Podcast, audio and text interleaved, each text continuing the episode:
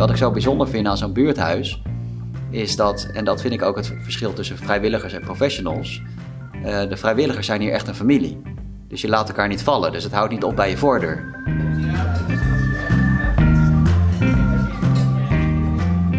Het is juni 2020 en in Bospolder Tussendijken barst de strijd los om het zelfregiehuis. Initiatiefnemers proberen de plek te behouden voor de buurt en de gemeente zet het pand op funda om zo het hoogst mogelijke bedrag te krijgen. Het is niet de eerste keer dat we bij het LSA zo'n verhaal horen, maar het is wel een aanleiding om beter te willen begrijpen hoe het er in Nederland nou eigenlijk voor staat met ontmoetingsplekken. Waarom doen ze ertoe? Hoe kan het dat ze de laatste tijd zo onder druk staan? En zijn er ook oplossingen? Ik ben Christel Jeuring en dit is de podcast Buurthuis te koop. In deze aflevering van een drieluik ga ik op zoek naar antwoorden op die eerste vraag. Waarom doen deze plekken ertoe?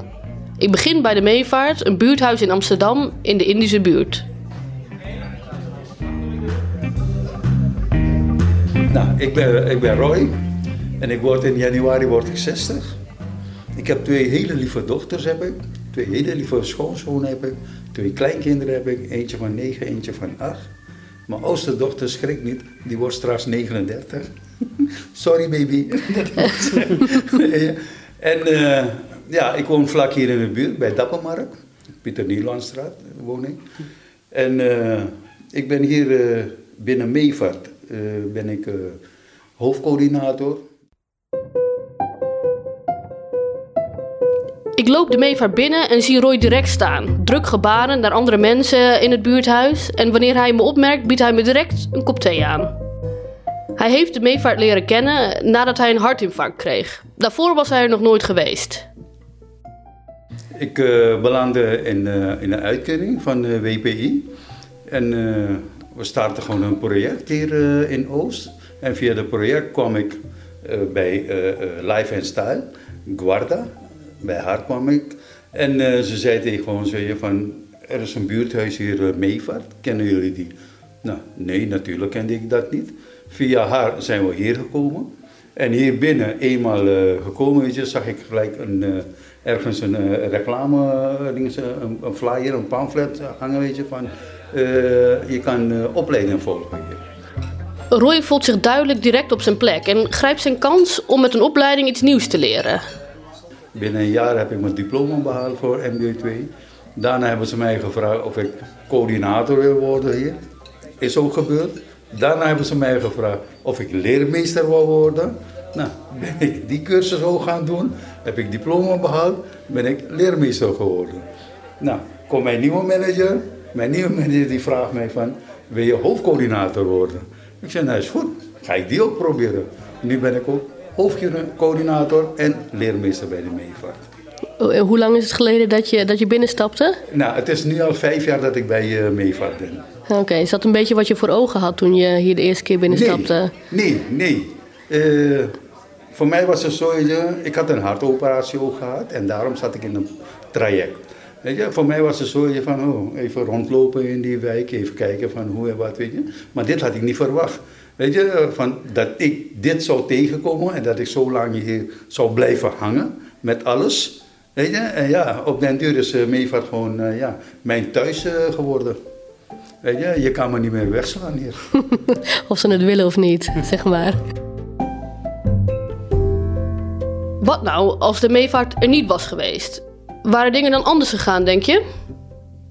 Ja, ik had geen zin meer. Ik, uh, ik wou niks meer.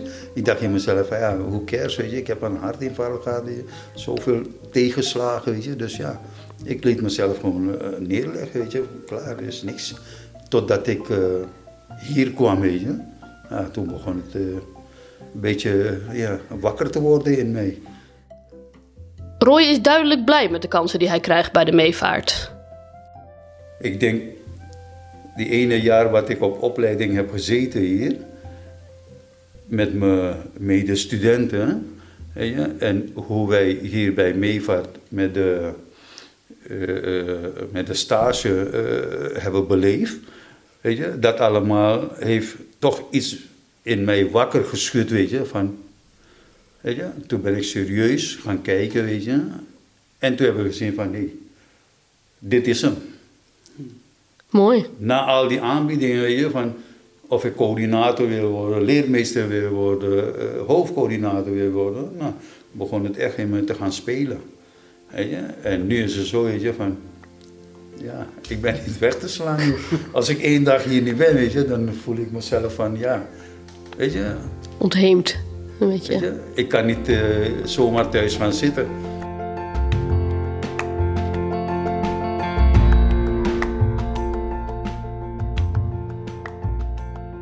ja, iedere keer is het weer wat anders. Maar ik zeg altijd tegen mensen van ja, de meevaart is eigenlijk een gebouw. Een gebouw wat wij beheren. Maar de mensen maken de meevaart. Dus de mensen bepalen ook wat de meevaart zou moeten zijn. En dat moet ook meegroeien met de ontwikkelingen en de tijd. Uh, maar we hebben hier 1800 vierkante meter. We hebben hier uh, ongeveer 18 zalen. Dus, uh, en van een theaterzaal tot aan de keuken, tot horecaruimte, gymzaal, noem het maar op. dus ja, dan kan je een beetje voorstellen wat er allemaal mogelijk is. Ja, ik ben Tim Doornewaard, de algemeen manager van buurthuis De Meevaart. En ik ben ook buurtbewoner. Ik woon hier in dezelfde straat, in de Baliestraat, in de Indische buurt in Amsterdam-Oost. Ik heb een uh, vrouw en twee kinderen, uh, twee tieners. En ik ben sociaal ondernemer. Wat moet de Meevaart eigenlijk doen voor de Indische buurt? Ja, het belangrijkste vinden we dat wat we hier doen, dat dat breed en laagdrempelig is voor iedereen. Ehm, dus het moet voor iedereen toegankelijk zijn. En wat bij ons centraal staat is aldoende leren. Dus ontwikkeling staat centraal. En we willen ook mensen kansen kunnen bieden. Oké, en uh, betekent dat mensen hier in de buurt anders uh, beperkte kansen hebben? Ja, dus zeker in de samenleving is er een kansenongelijkheid. En dat zie je ook in de Indische buurt. De Indische buurt is ook heel erg veranderd in de laatste 10, 15 jaar.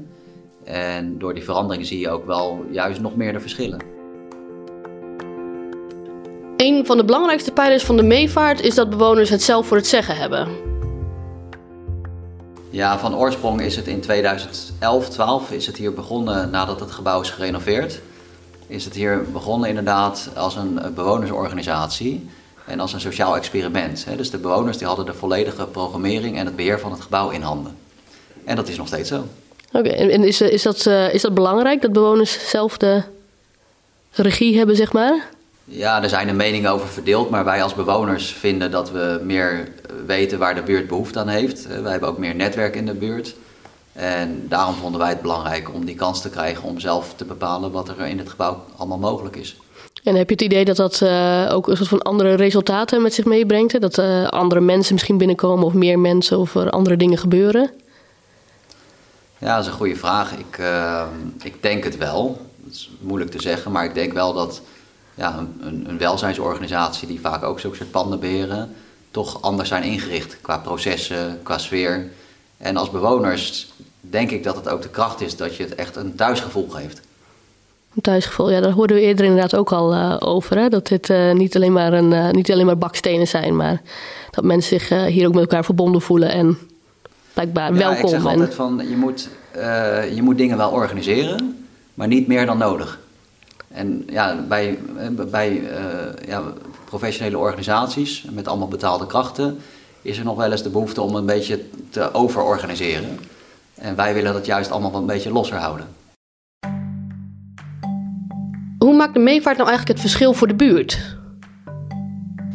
Ja, ik vind uh, zo'n buurthuis of een community centrum, dat is echt zo'n plek uh, waar iedereen welkom is. En waar vind je tegenwoordig nog zo'n zo plek waar mensen ja, waar iedereen terecht kan. dus je hebt natuurlijk in de, we zitten hier net eh, achter een hele drukke winkelstraat. Ja, je ziet dat er veel meer horeca de laatste tijd bij is gekomen, maar dat is altijd voor een speciale doelgroep. En je, zal, je ziet ook vaak dat ondernemers, die willen ook geld verdienen.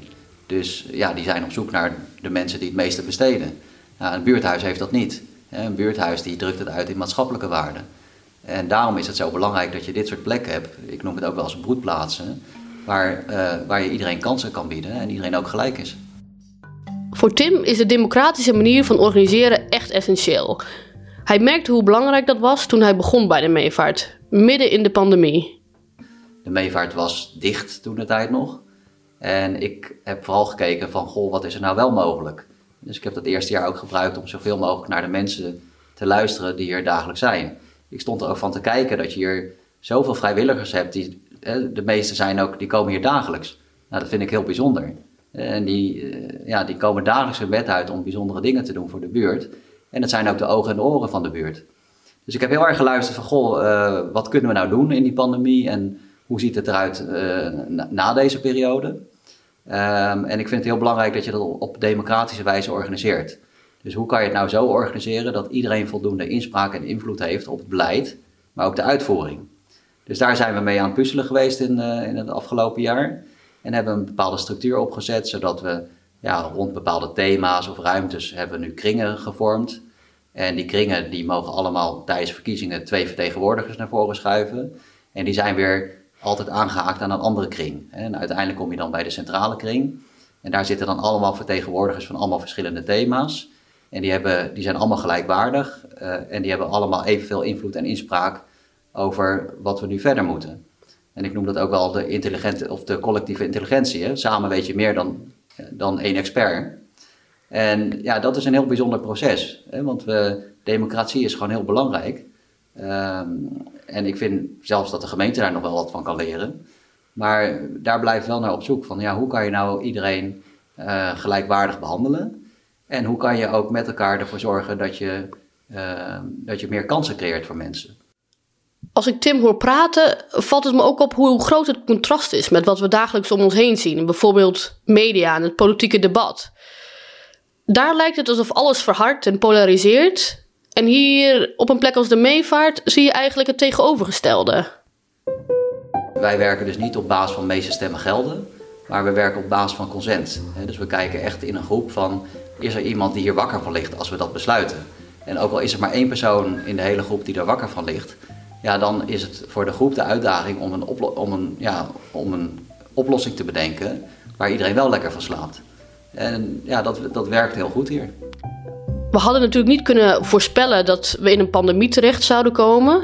Maar het is wel duidelijk geworden dat plekken als de meevaart ervoor gemaakt zijn om in tijden van crisis het verschil te kunnen maken. Ja, tijdens corona ging het heel erg om de veranderende maatregelen van de RIVM. Gaan we het wel volgen, gaan we het niet volgen? En dat is ook de afweging van in hoeverre kunnen we uh, mensen in de buurt blijven ondersteunen of moeten we gewoon dicht of moeten we beperkt open. Nou, we hebben er altijd ons best voor gedaan om zoveel mogelijk gewoon die functie te kunnen houden voor de buurt. En want mensen zijn hier in de buurt ook vaak klein behuisd. En op een gegeven moment had je natuurlijk ook dat de scholen dicht waren, dus dan waren er grote gezinnen waarbij drie, vier kinderen tegelijk online school moesten volgen. De ouders die moesten ook nog online. Ja, dat kan niet in een twee, drie kamer appartement. Dus zo'n ruimte als de, de meevaart is ontzettend belangrijk dat je daar wel uh, verder kan ontwikkelen buiten je huis. Want anders ben je gewoon overgeleverd aan de straat. Ja, het is natuurlijk niet een van de makkelijkste thema's, zeg maar. Als je kijkt naar de afgelopen maanden, als er ergens ja. veel polarisatie over is geweest, is dit het wel. Dus uh, het feit dat jullie daar blijkbaar uh, in zo'n model ja. uit zijn gekomen. Ja, zeker. En een andere is bijvoorbeeld, uh, ja, een groot deel van dit gebouw stellen we, de, de zalen stellen we gratis beschikbaar voor buurtinitiatieven die een positieve bijdrage leveren aan de buurt. Nou, waar kan je nu nog gratis ruimte krijgen tegenwoordig? Dat wordt steeds schaarser. Dus je kan je voorstellen dat er heel veel verzoeken bij ons binnenkomen. En hoe maak je nou de afweging van wie wel, wie niet? of hoe kan je uh, samen met elkaar delen? Dus als er bijvoorbeeld organisaties zijn die ja, 12 uur gebruik maken per week van de meevaart, ja, dan zou je met elkaar kunnen kijken van kan dat niet 8 worden, zodat iemand anders ook nog erin kan. Ja, dat zijn allemaal lastige beslissingen die je het beste met elkaar kan maken. De meevaart kwam direct in actie tijdens de pandemie. Dus ik kreeg al binnen een enkele weken kreeg ik gewoon berichten van verschillende organisaties die ook uh, buurthuizen hebben. Van goh, ja, krijgen jullie ook verzoeken van mensen die uh, een warme maaltijd willen? Ik zei ja, ik, ik hoor het ook van veel mensen. Nou, wat gaan we daar dan aan doen? Terwijl tegelijkertijd zag je dat de gemeente meteen dicht was en dan mocht je niet meer werken.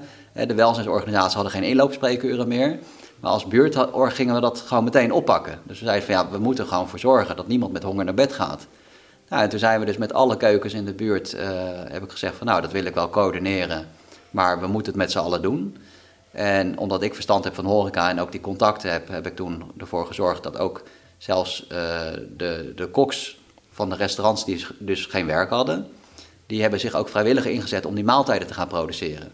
En we hebben toen meteen een crowdfunding opgezet. Dus ik zei tegen alle partijen van de keukens goh, ik organiseer het wel, ik zorg dat jullie de ingrediënten krijgen. Als jullie het allemaal maken en verpakken, en we gaan het met z'n allen uitdelen, ja, dan hoeft niemand met honger naar bed in Oost. Nou, in een mum van tijd hadden we meer dan 50.000 euro opgehaald uit de crowdfunding. En uiteindelijk hebben we, ja, ik ben het ergste tel kwijtgeraakt, maar we hebben in ieder geval meer dan 50.000 gratis maaltijden hier verstrekt. En het is, is, nog steeds gaande op alle plekken hier. Dus je kan hier zeven dagen in de week kan je wel ergens een gratis uh, maaltijd ophalen.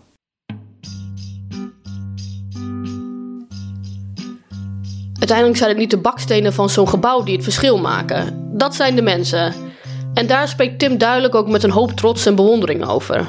Maar die bakstenen moeten er wel zijn om het mogelijk te kunnen maken. Ik heb wel echt een hele belangrijke les geleerd tijdens corona. Eh, ik was zelf eigenlijk niet zo heel erg bezorgd om besmet te raken. Dus ik was daar wel redelijk soepel om uh, in mijn privéleven. Maar toen ik op 1 september uh, eh, 2020 bij de meevaart kwam... Ja, toen hadden we natuurlijk hier regels van ja, hoe gaan we om en hoe waarborgen we die veiligheid voor alle mensen. Maar wat ik ook merkte is dat een groot deel van de vrijwilligers zelf tot de risicogroep behoorden. En ja, wat doe je dan? Want het advies was van ja, als je tot de risicogroep behoort, blijf dan zoveel mogelijk thuis. Maar je moet toch de afweging maken van ja, mijn werk is ook belangrijk en ik wil er voor mensen zijn. Nou, in het begin uh, had ik daar nog niet echt op, op ingegrepen. Totdat in december, ja, brak hier ook uh, corona uit. En uh, ja, toen raakte er een vrijwilliger, die, ja, die belde me en die, die kwam bijna de trap niet meer op. En die, eh, ik wist dat hij tot de risicogroep behoorde, want hij had het aan zijn hart. Ik denk, ja, shit, hè, dan Straks belandt hij in het ziekenhuis en straks komt hij te overlijden en dan uh, had ik veel eerder moeten ingrijpen.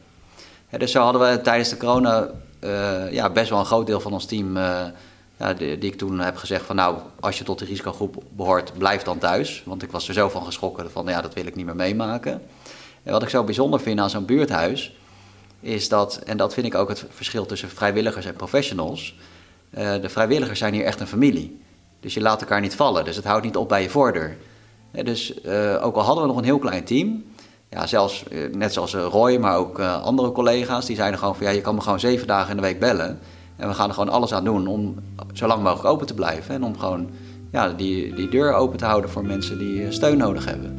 Ja, en dat is nou het belang van, van vrijwilligers en dat familiegevoel.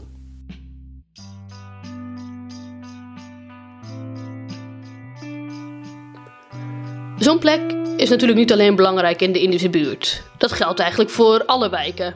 Tenminste, daar ga ik vanuit. Dat is ook wat we horen van onze leden. Ik ben eens met journalist Floor Milikowski hoe zij hier tegenaan kijkt. Hi, met Floor. Oh. Hoor je mij? Ja, ik hoor je. Ja, goed. Oh, ja. ja. Floor onderzoekt al langer hoe we samenleven in buurten en wijken.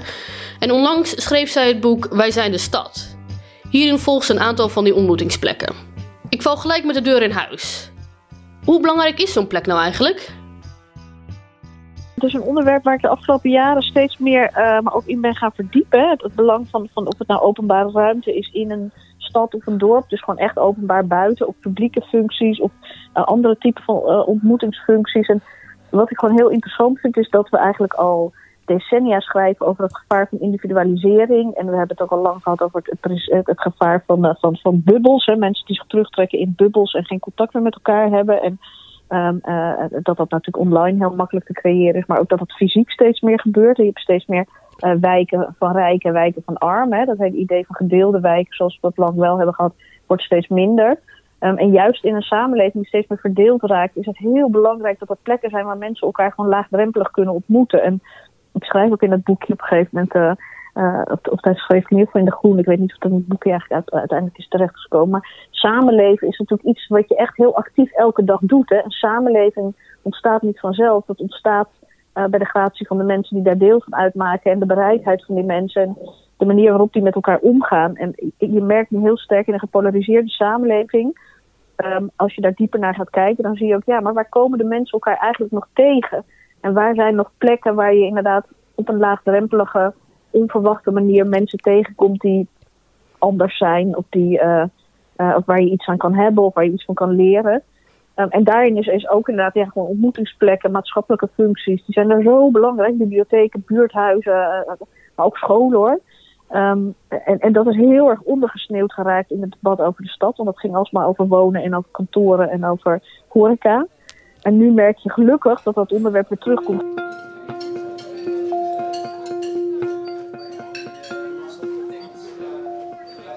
Dingen moeten vaak heel groot zijn voordat we ze opmerken of van waarde vinden.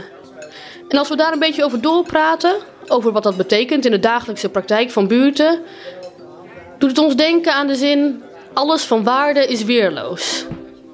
En het, het gekke is natuurlijk dat het hele principe van dit soort, van, van, van dit soort buurthuisfunctie dingen, die nu op een nieuwe manier ontstaan, meer bottom-up ontstaan, hè, of ook moestuinen, of, of allemaal dat soort kleine bottom-up projecten, dat we daar heel lang, nou ja, we hebben gedaan, oh wat schattig, wat leuk, maar ja, het stelt natuurlijk in essentie niks voor. Maar dat je steeds meer realiseert dat juist dat soort kleine dingen uh, heel groot en waardevol zijn. En dat een klein ding wat maar voor 20, 30 mensen van belang is, dat is een hele bindende functie, kan dat hebben in een gemeenschap. En dat is ook een noodzakelijke bindende functie in een gemeenschap. En eigenlijk dus ook dat we die kleine dingen die ons binden niet moeten onderschatten.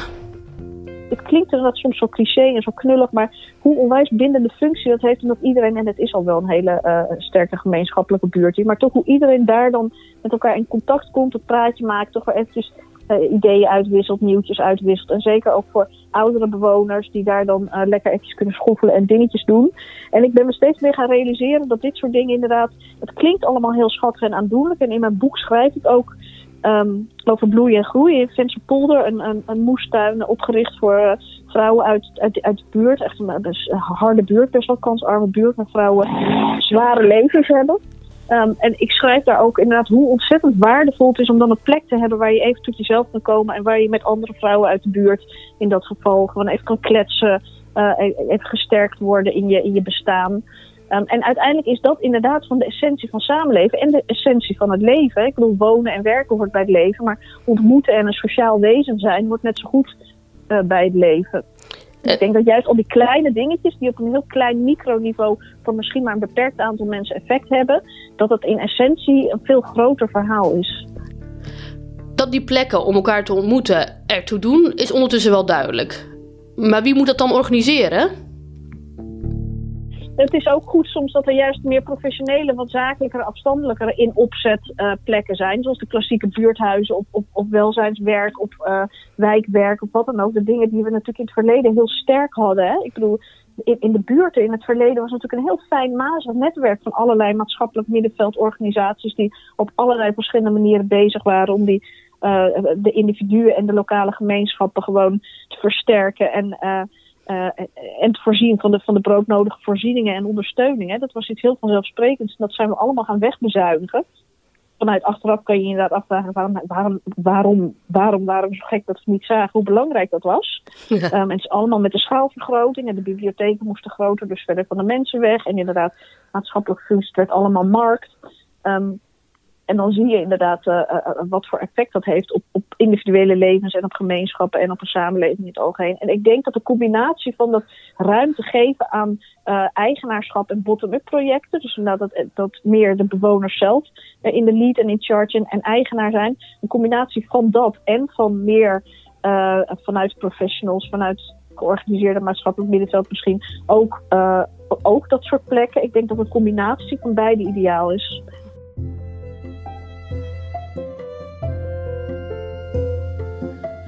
Dit was de eerste aflevering van Buurthuis te Koop. Met dank aan Roy Doeman en Tim Doornewaard van de Meevaart en natuurlijk Floor Milikowski. In de volgende aflevering gaan we op bezoek bij het buurthuis aan het Heeswijkplein in Moerwijk in Den Haag en onderzoeken we waarom deze plekken onder druk staan. Bedankt voor het luisteren. En wil je reageren op deze aflevering of jouw ervaringen delen? Heel graag. Stuur ons dan een berichtje via onze website www.lsabewoners.nl. En vergeet natuurlijk niet om de podcast te delen met buurtgenoten, collega's en vrienden. Hoe meer luisteraars, hoe meer mensen de kracht van buurthuizen ontdekken.